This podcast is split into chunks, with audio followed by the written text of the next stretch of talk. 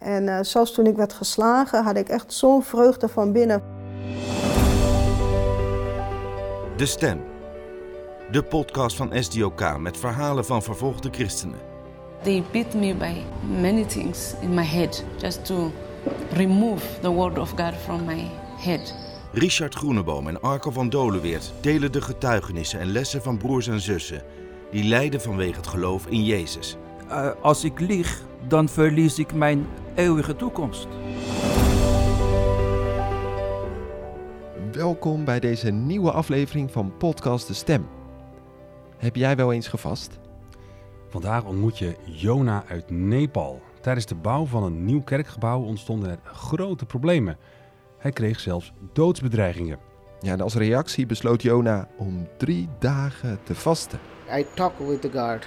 I said, I want to make your building, not that uh, mine. So this is not my fight. This is your fight. How much problem we have?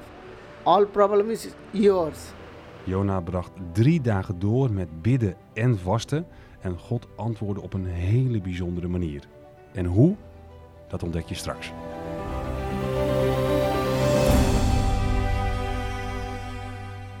Ja, dit is een mooie spoiler. Leuk dat je luistert naar deze nieuwe aflevering van Podcast De Stem.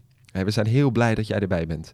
Want vandaag willen we je inspireren en bemoedigen met verhalen van vervolgde christenen. Ja, en vandaag doen we dat wel op een bijzondere manier, toch Richard? Ja, dat klopt. We zoomen in op een, uh, nou, denk ik, best wel onbekend thema. En een gebruik dat lange tijd onderdeel is geweest van de kerk. In grote delen van de westerse kerk echter is het nu verdwenen. En tegelijkertijd zien we dat het bij vervolgde christenen vaak wel gebeurt, zoals bij Jona. Zij vasten vrij regelmatig. Ja, voor we naar het verhaal van Jona gaan, Arco, uh, je hebt een e-book geschreven over vasten en je ja, erg in dit belangrijke onderwerp verdiept. Uh, nou, je geeft ons uh, vandaag in deze podcast een mini-college. Leuk. Vasten, dat kennen we uit de Bijbel, hè? De laatste jaren trouwens ook wel in opkomst in de vaste tijd. Christenen die koekjes en snoepjes laten staan en uh, zich soms ook een tijdje onthouden van social media. Maar dat is volgens mij niet het vaste zoals we dat toch in de Bijbel tegenkomen. Nou, social media hadden ze toen nog niet, maar die koekjes en snoepjes, uh, nou, dat was volgens mij ook niet een onderdeel van het vaste van, ja, zoals ik dat in de Bijbel teruglees, toch? Nee, dat klopt. Nee, ik ben er echt, echt wel ingedoken. Ik vind het een heel interessant thema. Met, wat jij ook zegt, is een thema wat we bij vervolgde christenen heel vaak terugzien. Gewoon in het leven met God. En juist in de Westerse kerk een beetje verdwenen lijkt. Dus ik heb echt even een, een deep dive in de Bijbel genomen. En daar is een, e-book uit ontstaan. Dat was ook niet het plan helemaal van tevoren. Maar, ja, maar zo uh, enthousiast dat je niet meer kon stoppen. Ja, nee, ik vond het heel interessant. Weet je, in de Bijbel gaat het over vasten altijd over niet eten. Voedsel is, hoort altijd bij vasten in de Bijbel. Uh, uh, en, en, en je onthouden is ook goed dus je, je kunt je onthouden van social media, van, van, van, van je chocolaatje na, de, na het eten s'avonds. Of, of andere dingen die goed zijn. Maar dat wordt in de Bijbel niet vaste genoemd. Nee, nou een chocolaatje is ook eten zou je zeggen. Maar je bedoelt dan echt het laten staan van een maaltijd. Ja, ja, echt het laten staan van een maaltijd voor een bepaalde periode. Met een bepaald geestelijk doel. Ja. Uh, vasten is altijd iets laten staan om uiteindelijk jezelf uit te strekken naar iets anders. Ja, we kennen natuurlijk uit de Bijbel vasten, uh, zowel Oude Testament als het Nieuwe Testament. Kun je ons even meenemen, wat vertelt de Bijbel ons eigenlijk over vasten? Ja, wat jij precies zegt, in, in, in de Bijbel uh, lezen we nergens, gek genoeg, een, een soort van definitie over vasten. De, de, de Bijbel zegt niet over, dit is vasten precies en zo moet je het doen. Dus nee. we moeten het echt hebben van de voorbeelden die we tegenkomen. Nou, die voorbeelden heb ik in het e-book eigenlijk echt op een rij gezet. En als je naar die voorbeelden kijkt, dan zie je dat vasten eigenlijk heel verschillend wordt gedaan. sommige mensen in de Bijbel doen vasten als een reactie op iets wat ze van God ontvangen. Uh, denk aan, aan Mozes, die 40 dagen niet eet en niet drinkt nadat hij God heeft ontmoet op de berg. Maar uh, vasten is soms ook een reactie op grote nood. Jozefat bijvoorbeeld, uh, het leger van, van een volk, een vijandig volk, die komt naar Israël en uit nood roept hij een vaste uit. Gaat hij bidden tot God. God antwoordt. Ja. Dus je ziet het uh, heel divers, uh, ja, op heel veel verschillende manieren functioneren in de Bijbel. Ja, het is eigenlijk een soort instrument om, uh, ja, een, hoe zeg ik dat, een soort extra op je gebed uh, te laten zien aan God dat je iets heel serieus, serieus meent. Of dat je het echt heel graag wil in de hoop dat God dat op die manier hoort. Ja, dat, ja je, dat, is, dat kan, hè, want dan, dan benader je vast heel erg als een, als een eh, eh, uitroepteken op je gebed. Wat in de Bijbel, dus volop Bijbels, zou ik zeggen. Je zet eigenlijk lichamelijk een uitroepteken achter je gebed. Je, je, daarmee bewijs je naar God, maar God, het is echt een serieuze zaak. Ja. Ehm, maar vasten is soms in de Bijbel ook gewoon een, een reactie op rouw, bijvoorbeeld. David die vast omdat Saul en Jonathan zijn gedood. Eh, Het is een uiting van verdriet. En eigenlijk is het ook logisch. Hè? Als, je, als we in verdriet zijn, dan, dan hebben we geen trek. Nee. Eh, dat is een, eigenlijk een manier waarop je lichaam ook reageert op verdriet. Ja. Ehm, vasten is in de Bijbel trouwens ook echt een eh, reactie op bijvoorbeeld eh, een, het ontdekken van je zondigheid. Paulus die wordt stilgezet en die gaat vasten en bidden tot God. Maar het volk Israël ook, die samenkomt om te vasten en zich te bekeren tot God. Ja, en ook wel tegen de strijd tegen eh, kwade, boze machten. Hè? Jezus ging natuurlijk ook 40 Ja. dagen vasten in de woestijn. Ja. Voordat hij een ontmoeting had met, met de duivel. Ja, en daar kom je gelijk ook bij een, bij een mysterie. Hè, want, want waarom zou ik eigenlijk vasten? Ehm, eh, dat, is, dat is een hele begrijpelijke vraag. Tenminste, een vraag die ik zelf ook wel had toen ik dat onderzoek een beetje ging doen. Ja, want het staat niet heel expliciet in de Bijbel dat je dat zou moeten doen. Hè? Nee. Het is geen gebod. Nee, nee, nee, nee, nee, nee, eh, nee, daar is wel meer over te zeggen. Eh, eh, volgens mij verwacht Jezus het wel van zijn volgelingen. Ja, dat kun je ook wel teruglezen in de Bijbel. Hè? Ja, en in het e-book. Ja, nou, Dus, eens even. Dan moet je het ook wel even vertellen. Want, ja, precies. Nee, maar in, in, in het, in- wat, wat, wat ehm, Jezus eh, behandelt vasten eigenlijk net als gebed en geven, ook in de, in de bergreden. Dus hij zegt, als of wanneer u bidt, dan doe dat dan zo. Hè? Wanneer u geeft, doe dat dan zo. Wanneer u vast, doet u dat zo. dus je gaat er eigenlijk gewoon vanuit dat, ja, dat een gelovige, een christen, een volgeling van Jezus dat doet. Ja, dat is wel heel aannemelijk te maken. En dat zie je ook in de vroege kerk. Hè. Je ziet dat, dat bijvoorbeeld eh, in handelingen de kerk eh, vast. Paulus heeft het over vasten. En eigenlijk is die lijn helemaal door de vroege kerk gewoon overgenomen. De- Ja. De Joden vasten in de tijd van Jezus twee dagen, dat weten we. Op de dinsdag en de donderdag. En hoe En- deden ze dat dan een hele dag? Ja, van zonsopgang tot zonsondergang. Oké. Aten ze niks. Eh, ze dronken wel water. Ehm, en, en dat gebruik heeft de christelijke vroege kerk overgenomen. En dat is eigenlijk tot, de, eh, tot John Wesley, de 18e, de 19e eeuw, is dat volgehouden. Ja, oké. Dus dat is eigenlijk heel lang. Ja, want bijvoorbeeld de mensen als Luther en Calvijn, eh, die waren toch ook wel bekend met de praxis Ja. van het vasten? Ja, ja, ja. Luther heeft daarover geschreven, pra praktiseerde dat. Het Calvijn ook.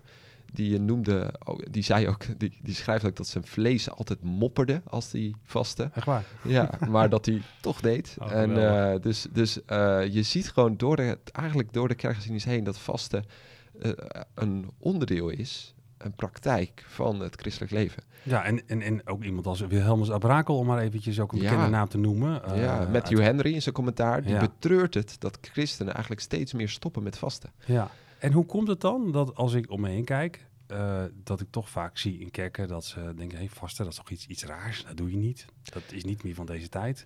Ja, eh, ik denk, en dan, dan, dan kijk ik ook een beetje naar mezelf, omdat vasten best wel ingaat tegen jezelf. Ehm, hè, een dag niet eten, dat is niet super fijn. Of Niet zo, echt te comfortabel. Nee, eh, het is nee. niet echt comfortabel. Ehm, dus dat is denk ik één. En twee is, is ergens ook weer, maar wat heeft het dan voor zin? Hè? Eh, waarom, zou, waarom zou ik dat dan doen? Wij zoeken zeker in onze huidige tijd heel erg naar het waarom achter dingen. Ja, Eh, waarom zou ik twee keer naar de kerk gaan? ja. Hè? Eh, Er zijn zoveel vragen te stellen waar je weer antwoord op wil geven. En, Ja, en eh, wat, wat zou jouw antwoord zijn op die vraag? Je hebt natuurlijk wel een paar dingen over gezegd. Waarom zou je vasten? Het is een vorm van verootmoediging. ja, Schuldbeleiden, eh, ook wel een soort uitroepteken zetten achter je Ja. gebed. Eh dan hoor ik misschien iemand nu luisteren die zegt... ja, maar ja, ik kan toch ook gewoon bidden? Dat is toch ook goed? ja, Waarom nee, zou ik dan moeten vasten? Ja, ja, Net of ik Uit- zelf nog iets wil presteren voor God... ja, en met vasten dan nog iets zelf voor God zou betekenen Ja. of zo? ja, nee, uitstekende vraag, Richard. Heel blij dat je hem dankjewel. stelt, ja.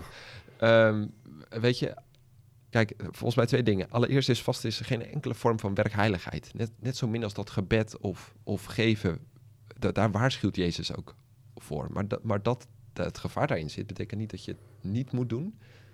Ehm, dat is één. En twee is, eh, als, dan neem ik je even mee naar de Bijbel. Naar iets wat Jezus zelf zegt. Eh, er, is een, er is een gebeurtenis waarin Jezus eerst op de berg is verheerlijkt. Dan komt hij beneden. En een deel van zijn discipelen is daar achtergebleven. En er is een grote, grote paniek, groot tumult. Want wat is daar gebeurd? Eh, mensen hebben aan de discipelen gevraagd of ze een boze geest wilden uitdrijven. En ze konden dat niet. Nou ja, logisch toch? Tenminste, dat is dan mijn gedachte. Maar Jezus ziet dat echt anders. Hij, hij is echt een beetje boos. Dat proef je in de woorden. Hij zegt, "Waar- waarom? Oh jongens, hij zucht het een beetje uit. En later vraagt de discipelen ook van... hé, maar waarom konden wij dit niet doen? Eh, en, en zij hebben dat eerder gedaan. Dat hebben we gezien. Dat Jezus er met macht op uitstuurde. Dus, dus een terechte vraag vanuit hem. Waarom? En dan zegt Jezus... Sommigen van hen gaan niet uit dan door bidden en vasten. Ja. Met andere woorden, er zit waarschijnlijk iets in het mysterie van bidden en vasten samen, waarin dingen gebeuren die anders niet zouden gebeuren. Nee, dus met name in die situatie had het te maken met het uitdrijven van demonen, sterke geestelijke krachten, die blijkbaar ehm, ja, eh, alleen uitgaan op het moment dat je echt ook in vaste je tot God richt. Ja, en dat is heel, vind ik heel spannend om te, te erkennen zelf. Ja, het staat wel in de Bijbel. Hè? Maar het staat, dus ik kon er eigenlijk ook niet zo omheen. Ehm, en dat is ook wat we zien in het verhaal van, van Jonah zo meteen. Hè. Het is een fantastisch verhaal, maar het is niet een uniek verhaal. Wij, wij kennen veel meer van zulke verhalen. Van, van vervolgde christenen die zich voor een tijd toewijden aan gebed en vasten. Omdat ze iets tegenkomen ehm, eh, waar ze mee moeten dealen. En waarin God op een bijzondere manier uitredt. Juist na gebed en vasten. Ja, er is nog veel meer over te vertellen, maar we hebben een prachtig e-book, dus dat kunnen mensen ook eh, ja, downloaden. Ja, ja, zeker. Dit kun je downloaden, eh, kun je digitaal lezen. Je kunt het natuurlijk ook printen als je dat liever wil. Dan kun je naar www.sdok.nl schuine streep vasten. Eh, er staat ook een link in de show notes. Daar kun je het e-book downloaden. Ja, nou ik toch even naar jouzelf, eh, Arco. Je bent heel enthousiast ook over, over vasten, je hebt je erin verdiept. Eh, vast je jezelf ook? Nee. Oh, god, erg wel allemaal mooie dingen op papier zetten. Nee, nee, nee. Ik, ik weet dat het anders is. Ja, nee, ik, ik, ik, ik vast zelf ook. Ik ben eigenlijk, zeg maar, sinds dat ik met vervolgde christenen werk, heb ik ontdekt hoe vaste onderdeel is van hun levens. En dat heeft me altijd getriggerd. Het heeft best mij, bij mij best wel een tijd geduurd om die stap te zetten. Eh, en goed, daar schrijf ik in dat e-book ook wel over. Omdat, omdat het, ik, ehm, ik vond het echt moeilijk om op dat punt te komen dat ik denk, ja, maar ga ik dan nu energie inleveren? Ja, je moest wel even een drempel over. Ja, echt, echt wel een drempel over. En om nou te zeggen dat het heel leuk is om eh, een paar dagen je eten te laten staan.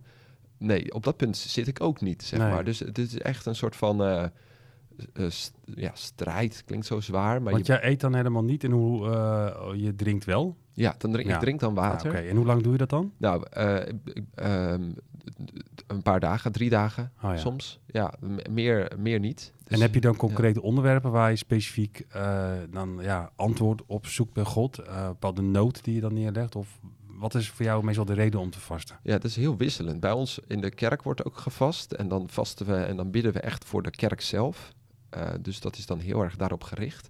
En, en als, ik zelf, als ik dat zelf doe, en dat is eens in de, nou, misschien twee maanden ongeveer, dat ik echt een periode van drie dagen heb. Ja, dan, dan, dan is het echt wel iets nou, waar ik mee zit of waar ik, waar, ik, waar ik meer licht op zou willen. Ehm, en tegelijkertijd is het ook altijd een vorm van vernedering.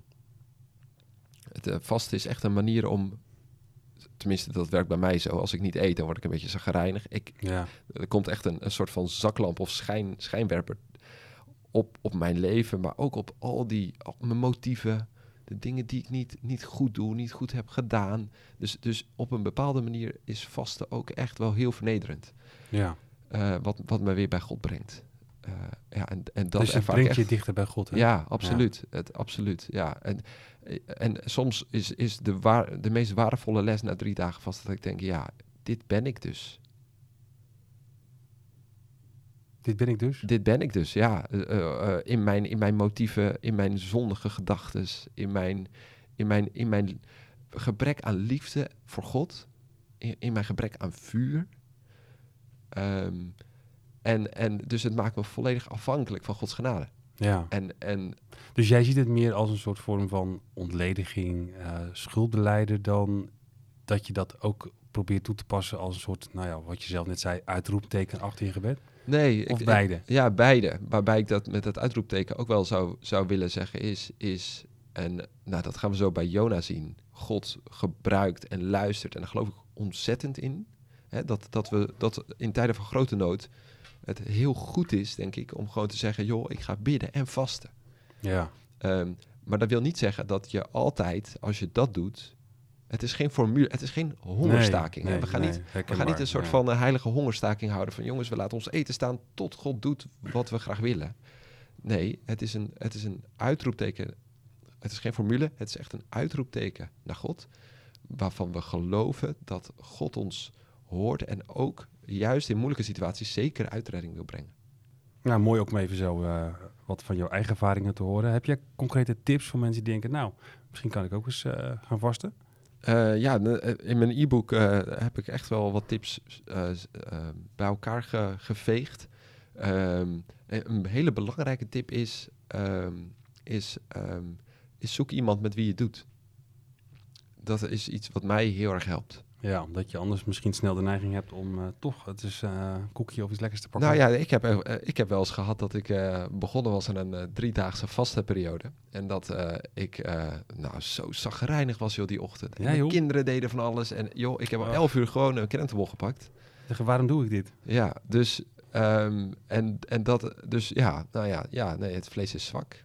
En, eh, maar, maar daarin helpt het mij als ik dus met iemand anders dat doe. Omdat, Ja. omdat, en dan plan ik ook vaker momenten. Dus dat is een belangrijke tip.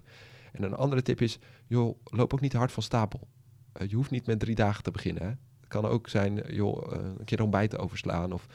Nee, goed. Eh, Mocht je Nou. erover nadenken, ga vooral dat e-book lezen, want dat kan je echt helpen. En misschien ook een verlangen geven naar juist deze praktijk die we in Nederland in, de, in een groot deel van de Westerse kerk kwijt zijn geraakt. Maar ja, waar echt wel waar in zit. Nee, helemaal eens. Eh, en ook in jouw e-book staan ook hele mooie praktische tips. Eh, nou, dankjewel voor het delen, Arco. Ja, Richard, jij, ehm, jij hebt ook veel met dat thema te maken, hè, vasten. Ehm, je spreekt regelmatig eh, met broers en zussen uit allerlei landen. En regelmatig hoor ik dat woord vasten wel weer terug in die verhalen. Nou, zo ook bij het verhaal van, eh, van Jonah. Hey, voordat we echt naar dat verhaal van Jonah gaan. eh Jonah woont in Nepal. Kun je ons kort iets vertellen over dit land, Nepal? Wat, hoe is de situatie van onze broers en zussen daar?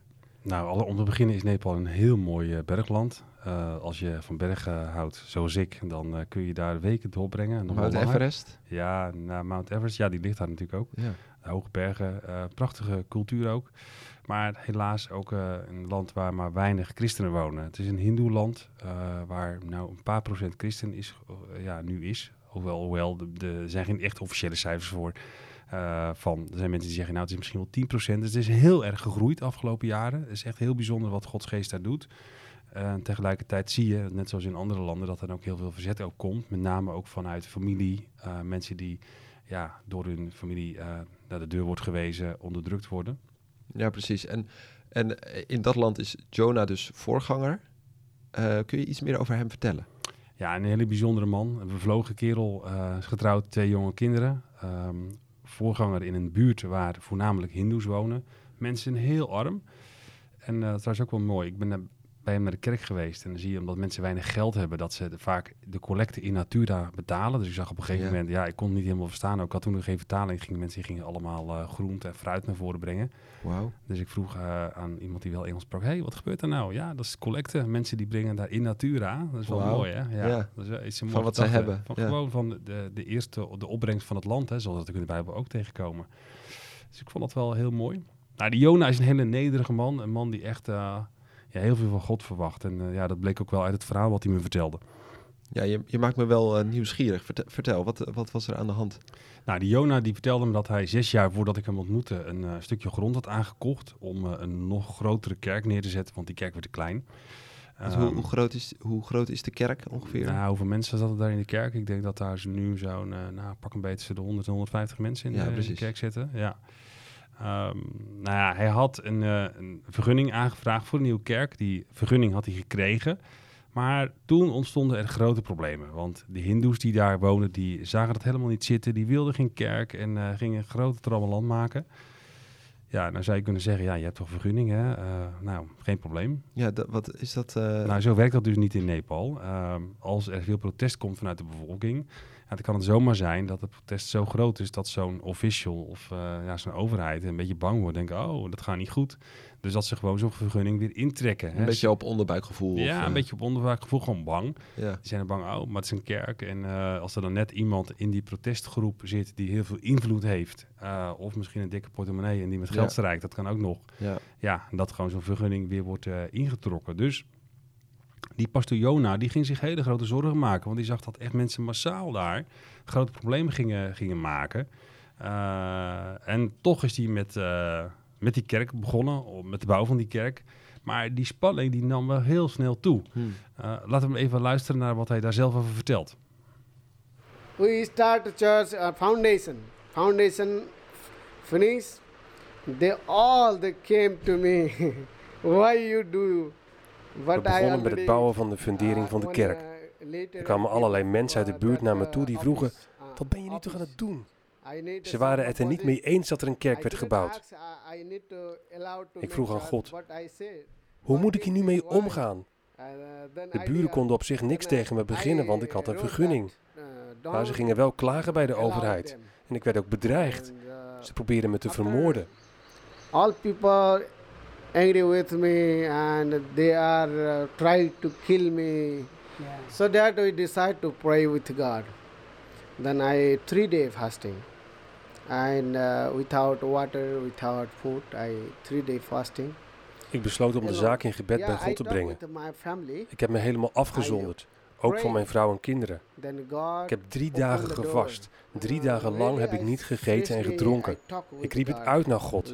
Ik wil uw huis bouwen. Het is niet mijn huis. Het is niet mijn your- strijd, maar die van u. So this is not my fight. This is your fight. So Lord, you do. You know, wha- how much problem we have? All problem is yours. So I talk with God. Alle problemen die we nu hebben, zijn uw problemen. And I night time what I, I did. I went In de nacht liep ik op het dak van mijn and huis I en ik strekte mijn my handen hand uit over de buurt en and ik I bad voor mijn dorp en voor de place, plaats waar de kerk moest komen. And En I ik zei. Heer, deze kerk hebben we nodig. Geeft u het alstublieft. Het gaat niet om mijn zaak, maar om uw zaak. Ik had een lijst met de namen van 65 Because mensen die niet wilden dat de kerk er zou komen. En voor al die mensen heb ik één voor één gebeden. Ik vroeg, Heer, wilt u alstublieft hun harten veranderen?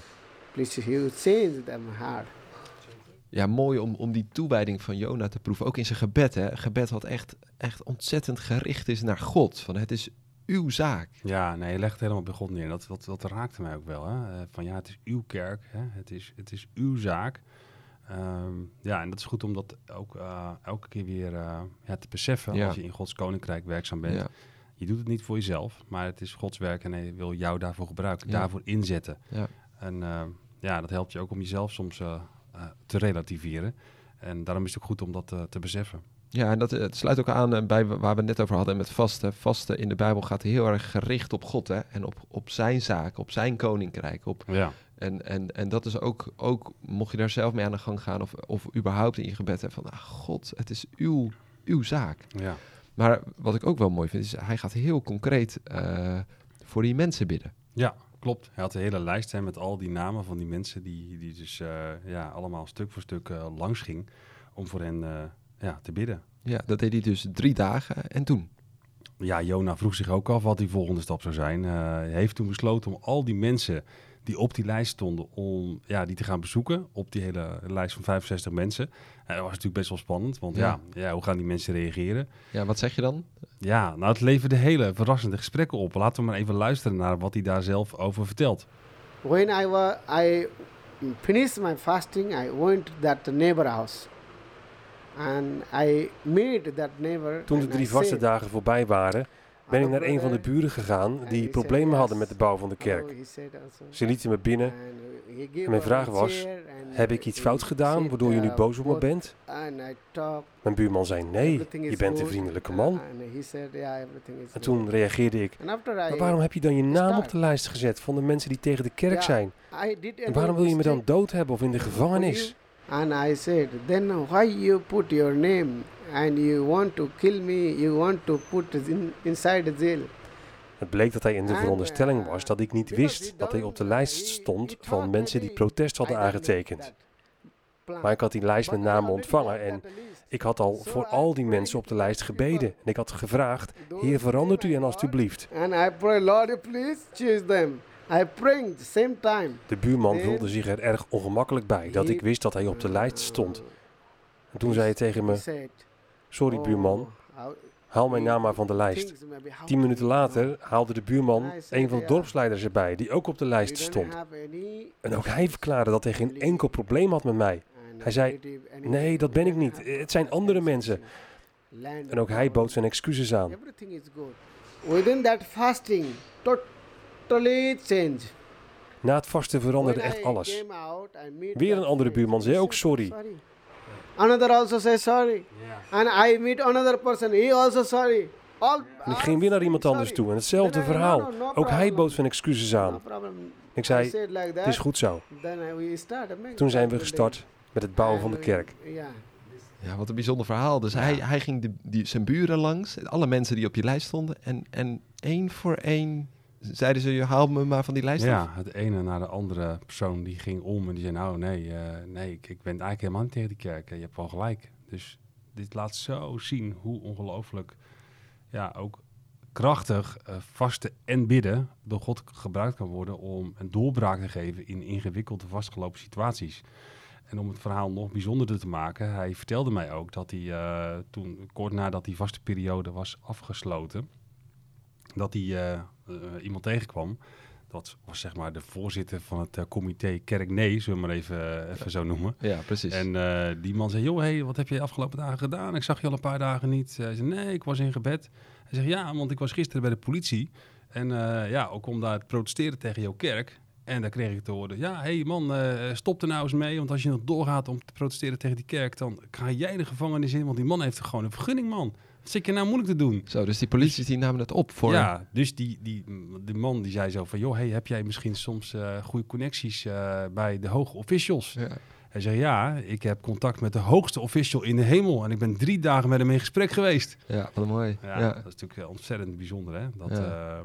ja, dus dat maakt me wel stil en ook wel bem- bemoedigend ook... na ook het verhaal wat jij natuurlijk ook vertelde. Hè? En dat weer zo onderstreept dat God ook vaste eh, ja, gebruikt op een bijzondere manier. Ja, ja, en, en, en want het, stopt daar niet, hè? Want die kerk is inmiddels gebouwd. Nee, klopt. Het is eh, niet gestopt. Eh, heel bijzonder hoe dat verder ook een ja, gevolg heeft gekregen. Ehm, eh, vijf jaar later, dat is nu vijf jaar geleden dat dit allemaal zich heeft afgerond, dat is afgerond, blijkt dat van die lijst met 65 mensen er nu 22 in de kerk zitten. Zo. Dus 22 van die mensen die protest hadden, die heeft zich bekeerd tot het christendom en zit nu ja, daar in die kerk. Ja, ja, zo bijzonder. Dus eerst heel erg tegen.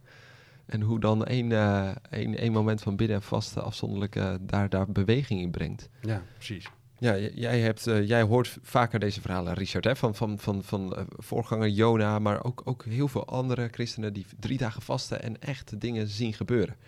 Ehm, is dit iets wat alleen in, in Nepal of in India of juist in, in, op, op, op die plekken waar wij werken gebeurt?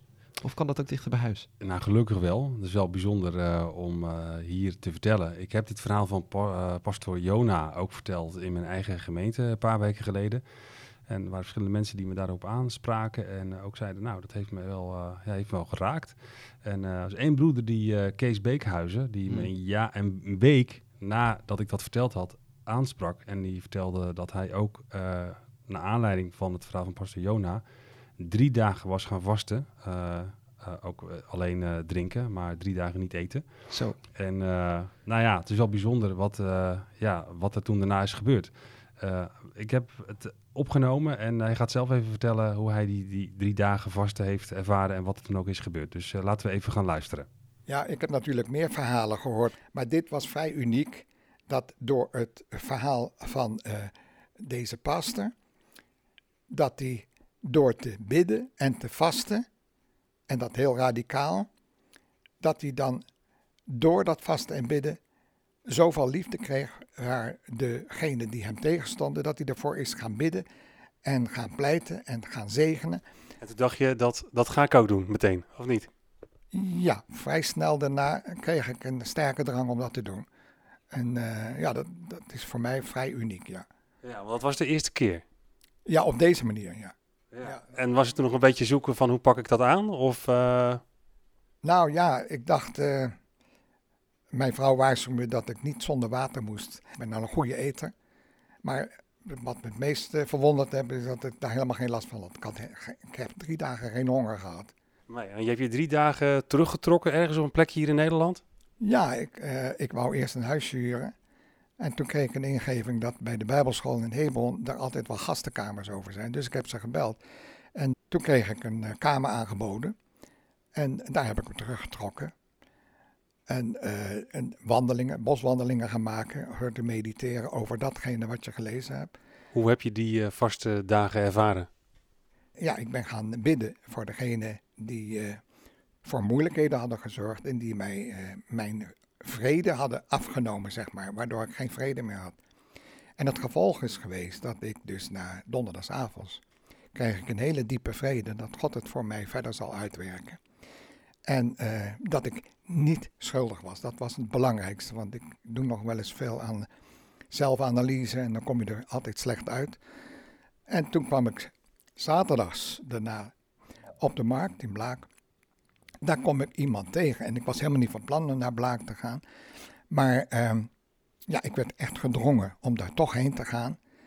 En uh, toen kwam ik de man tegen die onder andere dus uh, voor in mijn gevoel wat voor problemen en in mijn gevoel verkeerde beslissingen had genomen. En ja, die werd ook door God daarheen gezonden, terwijl hij dat niet van plan was. Dus we ontmoeten elkaar daar. En uh, dat is helemaal uitgepraat. Dus de vrede die ik al had, kreeg hij nou ook. Dus dat was op die manier, werd alles ineens vlak.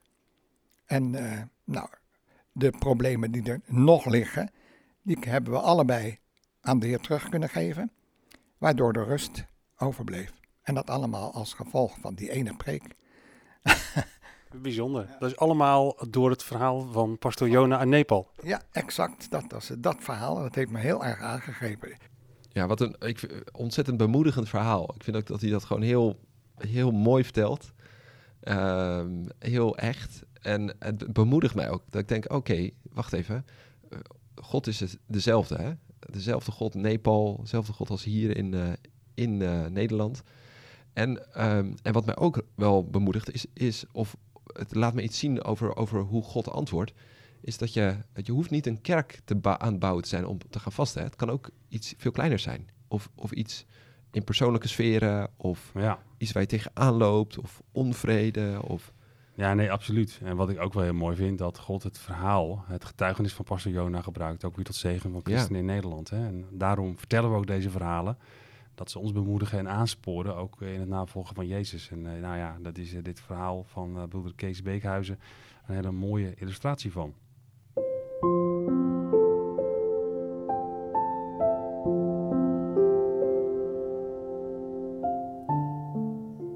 En elke aflevering sluiten we af met een reflectiemoment. Het is een moment waarop we het onderwerp van de podcast net iets dichter bij jou willen brengen. En vandaag ging het over vasten. Voorganger Jona vastte drie dagen en hij smeekte God om tussen beiden te komen. Net als Esther, Nehemia, Esra, Daniel, Paulus en vele anderen. Is er iets in jouw leven dat je beklemt of dat je dwars zit? Zou je daarop willen reageren met bidden en vasten?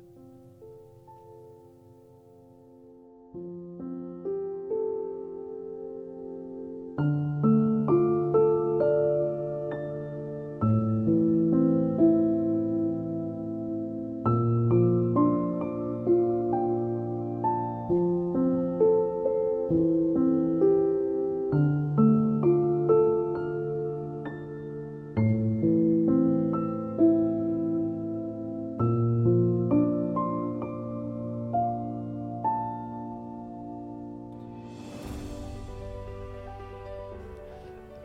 Hiermee zijn we aan het einde gekomen van deze aflevering. En vergeet zeker niet om het gratis e-book te downloaden.